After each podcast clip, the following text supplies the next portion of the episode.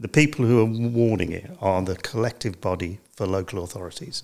There are about 450 local authorities in the United Kingdom. A body called the Local Government Association effectively is their collective representative, and they have the best figures on how, how all councils are doing because all councils are a member of the Local Government Association. And it's the Local Government Association that has issued a report saying there is 20% of all councils who, who are getting inevitably into difficulty. In all of those councils, in all of those services over all that period, the expenditure on every service, social services, welfare payments and housing have gone down in every local authority. And in every local authority over that period since 2005, social services, welfare payments, and housing have all gone up. Local authorities have been incredibly efficient and effective at it because we have had a spate of these 114 notices and we will get more, but they stave them off for quite a long time. They'd stave them off by selling assets, reducing services,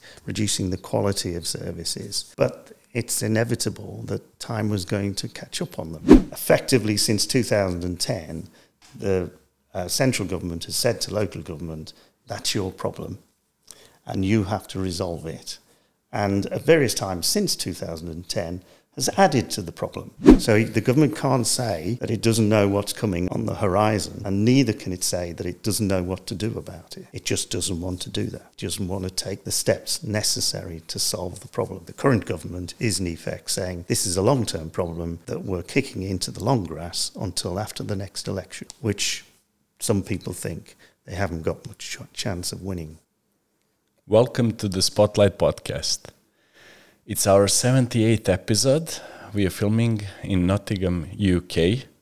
Today I have a special guest, Professor Peter Murphy, Director of Public Policy and Management Research Group within the Centre for Economics, Policy and Public Management at Nottingham Business School, part of the Nottingham Trent University.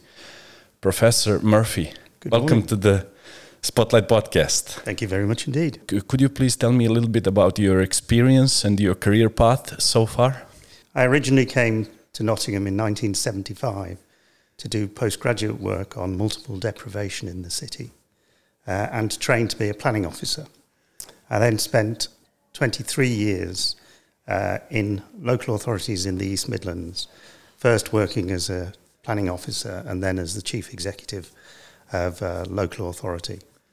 So after after that, I was um, employed by central government in Whitehall. I still lived in Nottingham, but I was employed in Whitehall for eight years as uh, the director of local government. And uh, 13 years ago, I came to Nottingham Business School, where I'm currently a professor of public management, as you say.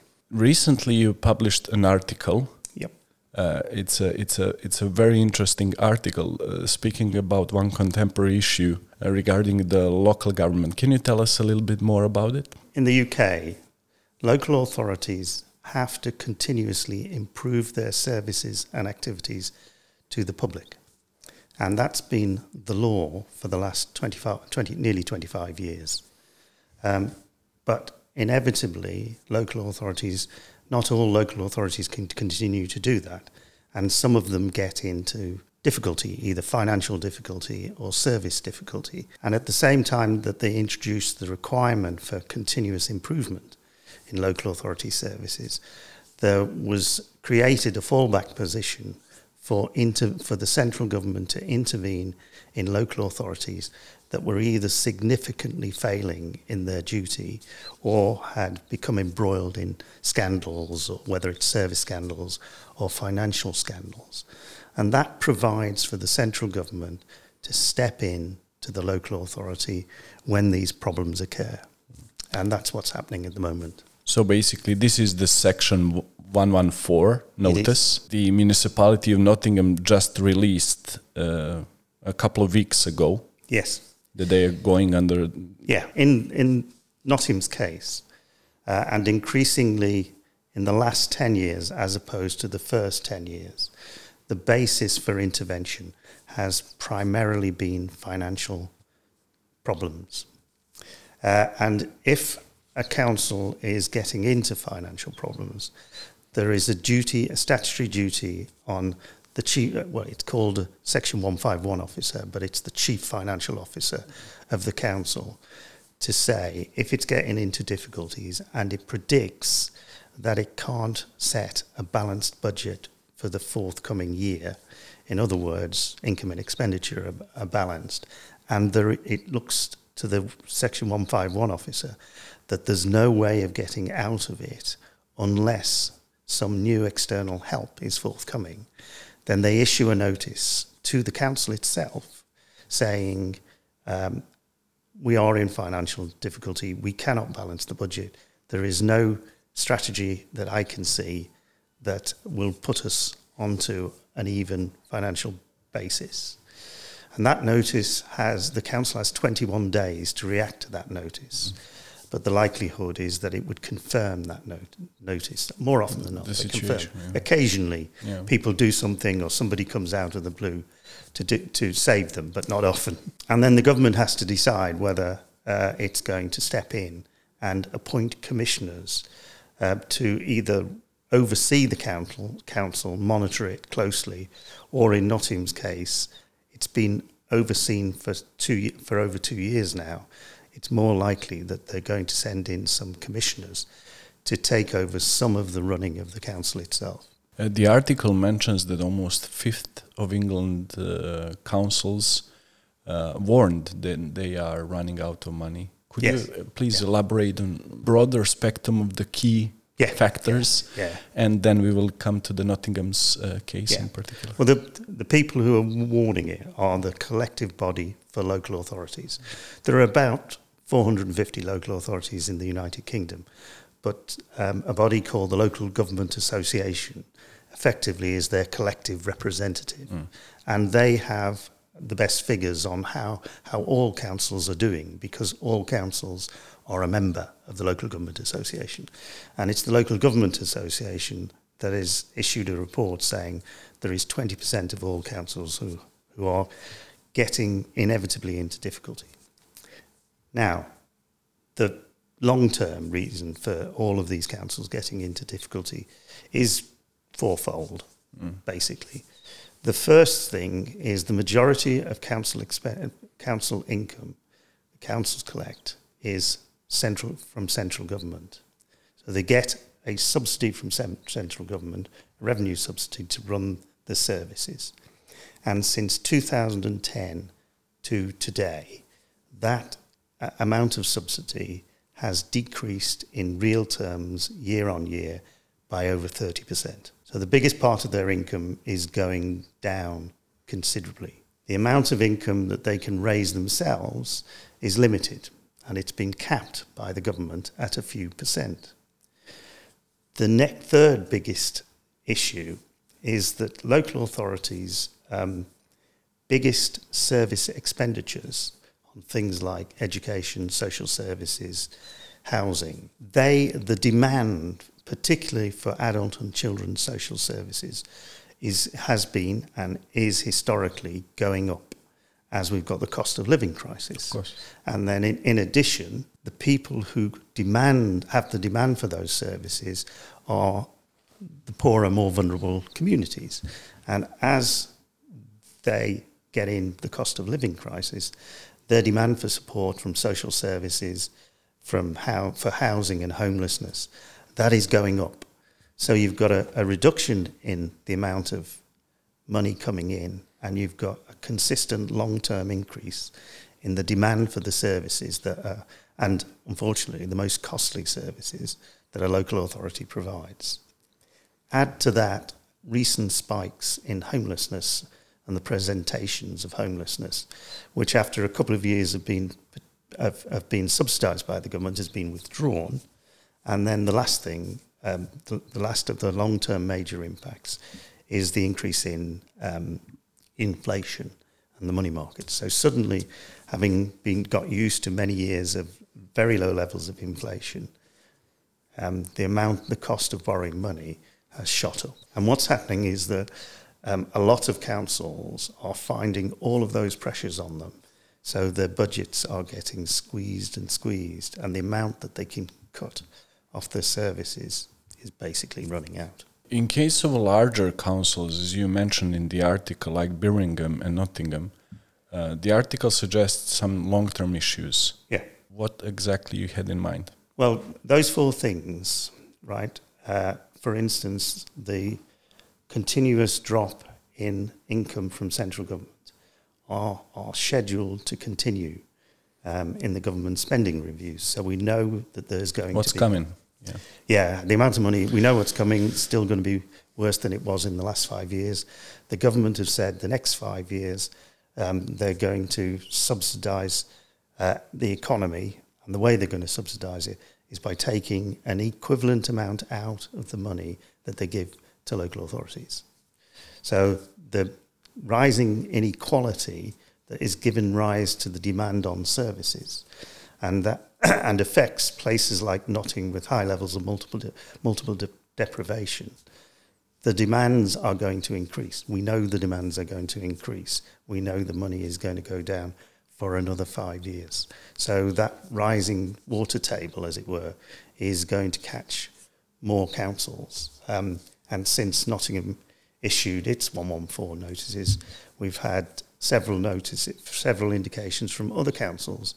Uh, day before yesterday, Bradford Metropolitan Borough indicated it's got a 114 notice. Not long ago, Middlesbrough indicated it was going to issue a 114 notice. The wave is coming. Um, on this income side, Professor, Yep. I'm I'm from a foreign country. Yeah. What is going on there? I know how how our local municipalities function, but uh, how the municipalities here generate their income mainly? Okay. There's four sources of income generation. One is by putting a, a, a tax that is collected um, by central government. So they get money from tax collected from central government. And that is the biggest part. Then they are allowed to have a council tax, a precept on the hou- on housing. The, the central government one is generally collected in income tax. Then there's a, a, a precept on uh, households in the city, and that's called the council tax. And that's it where it generates its own money. But the problem with the council tax is the council isn't allowed to um, set the tax itself, or it is allowed to set the tax itself, but it must be within a limit. Central government puts a cap on how much council tax you can set. So, for instance, most years in the last four or five years, they've set an incre- the maximum increase you can set in council tax was two or three percent. Now, when inflation is running at six percent, demand and costs are going elsewhere. That is stopping the amount that a local council can raise. It's the government just this year is saying that it's going to allow them to raise up to five percent on council tax, but even that is below the rate of inflation and the rate of real costs to the communities. So here we have those are the two biggest parts.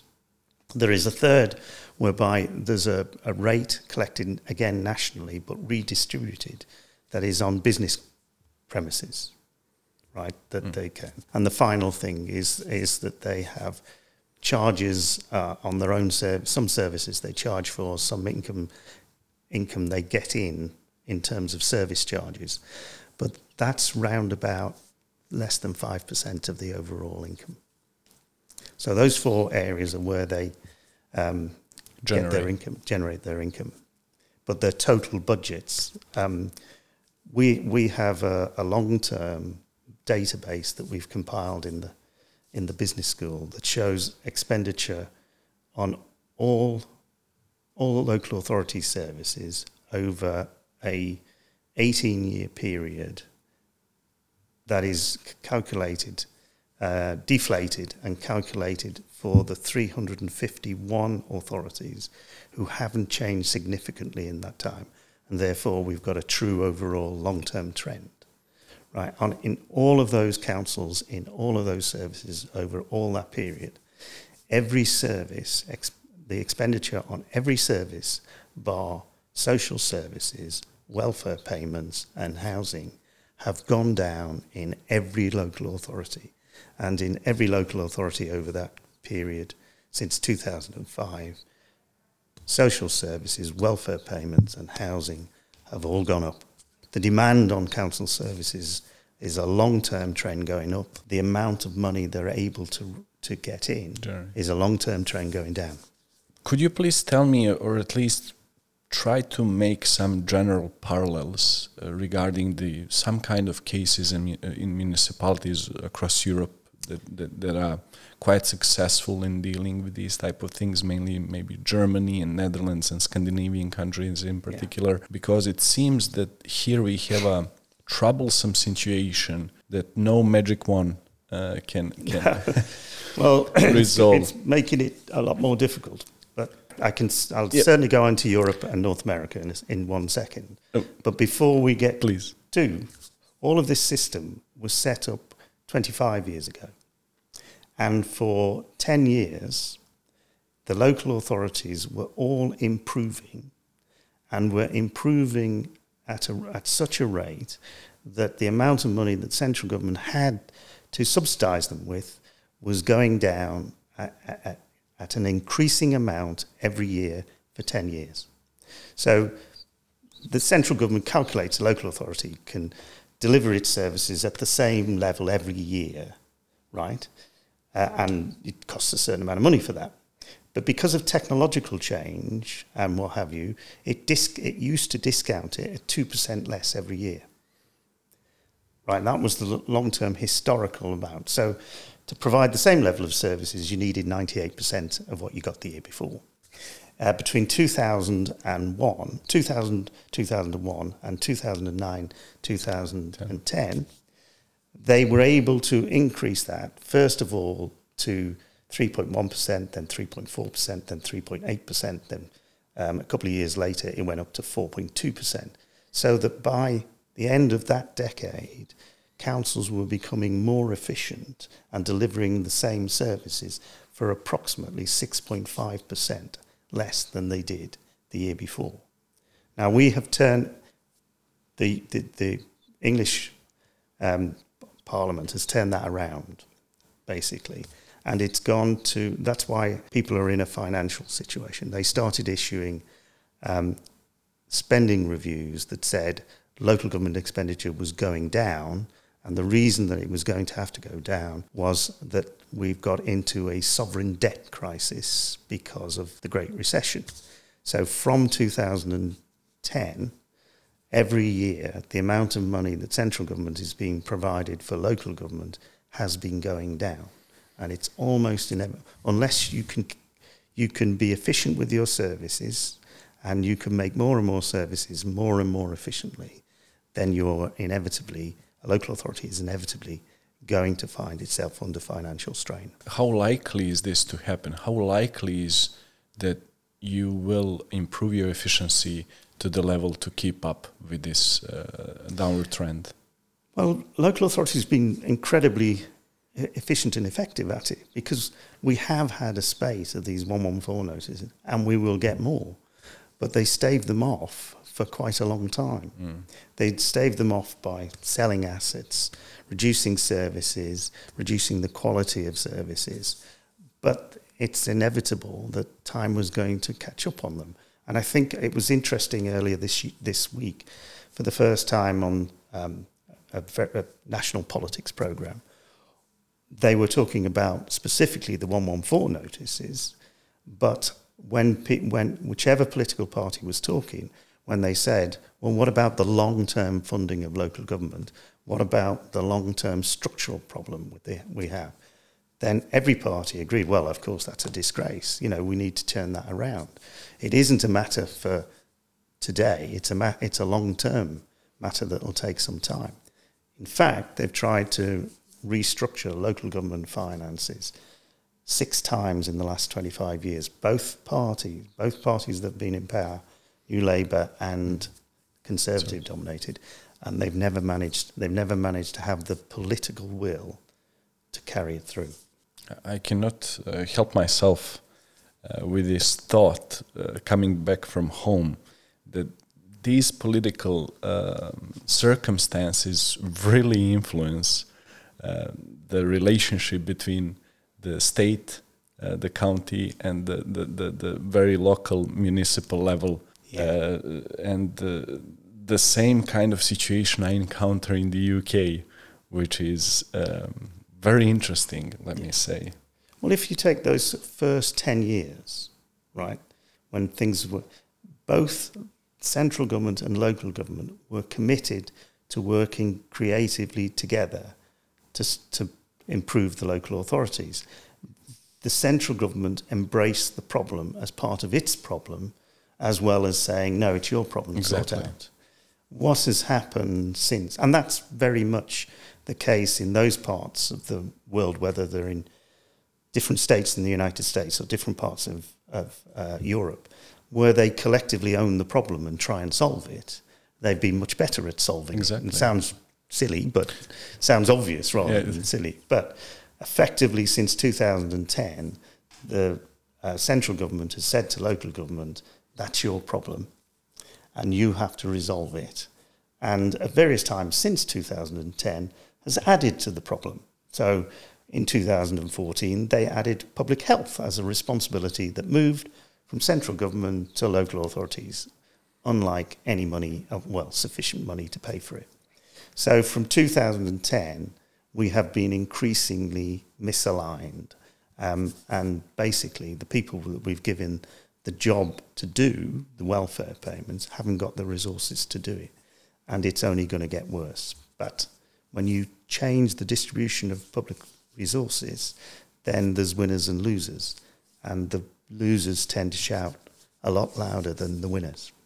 Exactly. Uh, given the fundamental factors you mentioned, do you anticipate that more councils, as you, you already mentioned, few, uh, will issue a Section 114 notice and in which particular orders? As I, have seen some of your tables that were uh, appendix to the to the uh, article, um, and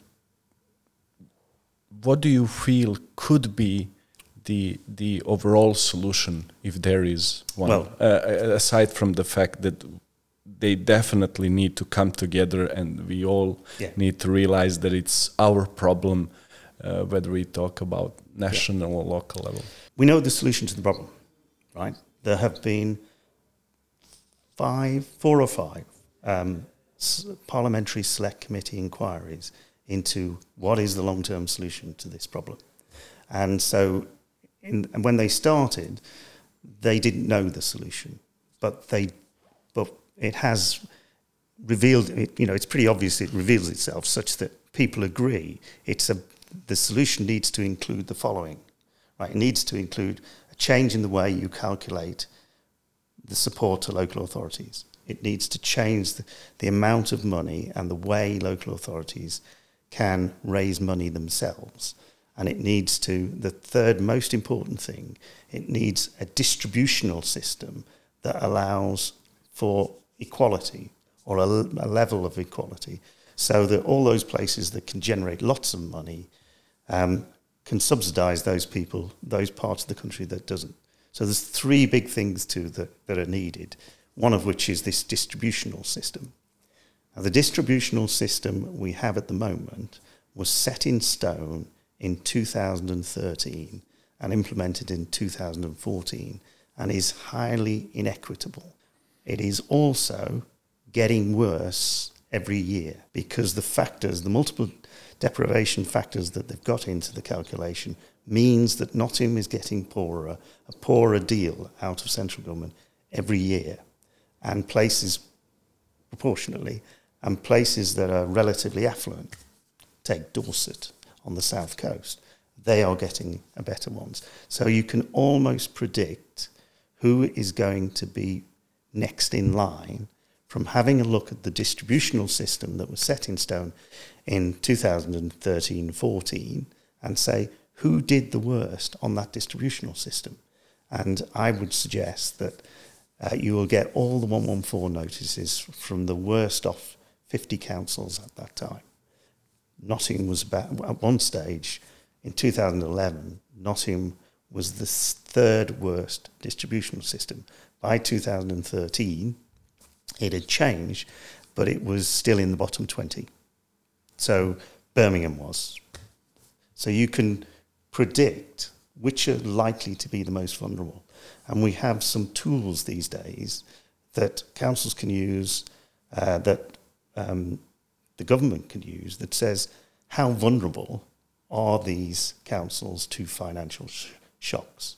So there's a financial vulnerability index that's created by the professional uh, finance men, chief financial officers of local authorities. Uh, CIPFA, it's called, the association. So they have a qualitative index that, that will show you which ones are most most vulnerable.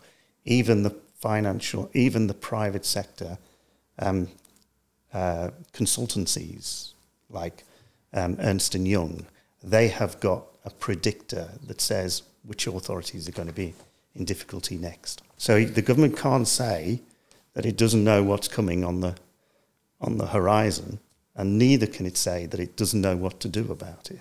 It just doesn't want to do that. It doesn't want to take the, the steps necessary to solve the problem. It is, in effect, the current government is, in effect, saying this is a long term problem that we're kicking into the long grass until after the next election, which some people think they haven't got much chance of winning. And therefore, they're kicking that problem over to their political opponents. Professor, how do you think that Nottingham is going to respond in the next few months? Nottingham will be under a financial savings plan that the government will want to approve, or it will insist that it goes financial savings plan that is acceptable to the government. And that's going to mean asset sales, reductions in services, how much money is spent on services, particularly the latter, reductions in services, because um, the reserves are down to a bare, the council's reserves are down to a bare minimum. But it's going to have to think about such basic day to day services as how often do we collect your bins, your waste disposal bins? How many times are we going to clean the streets? How many times are we going to clean the city centre and the suburbs? And the likelihood is that they're going to be reduced. Uh, how many times are we going to cut the grass in the parks? We cannot afford to cut the grass as often as we have in the past. How few times can we do it without losing the service altogether? So, um, the final thing is uh, that everybody is affected by is is basically public transport. At the moment, we subsidise public transport to a certain extent, but in the future, the likelihood likelihood is that's going to be reduced. Now, I don't want to be alarmist and suggest all of those things are going to happen, but over time, unless there is a fundamental change around in the system, those things are going to come about. So we're going to have less public transport, less clean streets, less um, parks and gardens for people to enjoy. And that's what the day to day people, that's what ordinary people in the street will start to notice. What about transportation, Professor King? You, I also heard about you, you stating some um, very interesting things before uh, about the transportation. There's two things about the transportation planning integrated transport systems, which um, big cities tend to have. So the London, Birmingham, Manchester, Liverpool, there is a passenger transport authority that allows much better integration of the different times of tr- kinds of transport, so buses, trains, trams, etc.